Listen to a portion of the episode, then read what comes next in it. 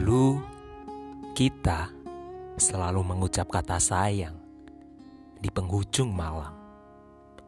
Kini kita tidak lebih dari dua orang asing yang merindukan masa lalu secara diam-diam.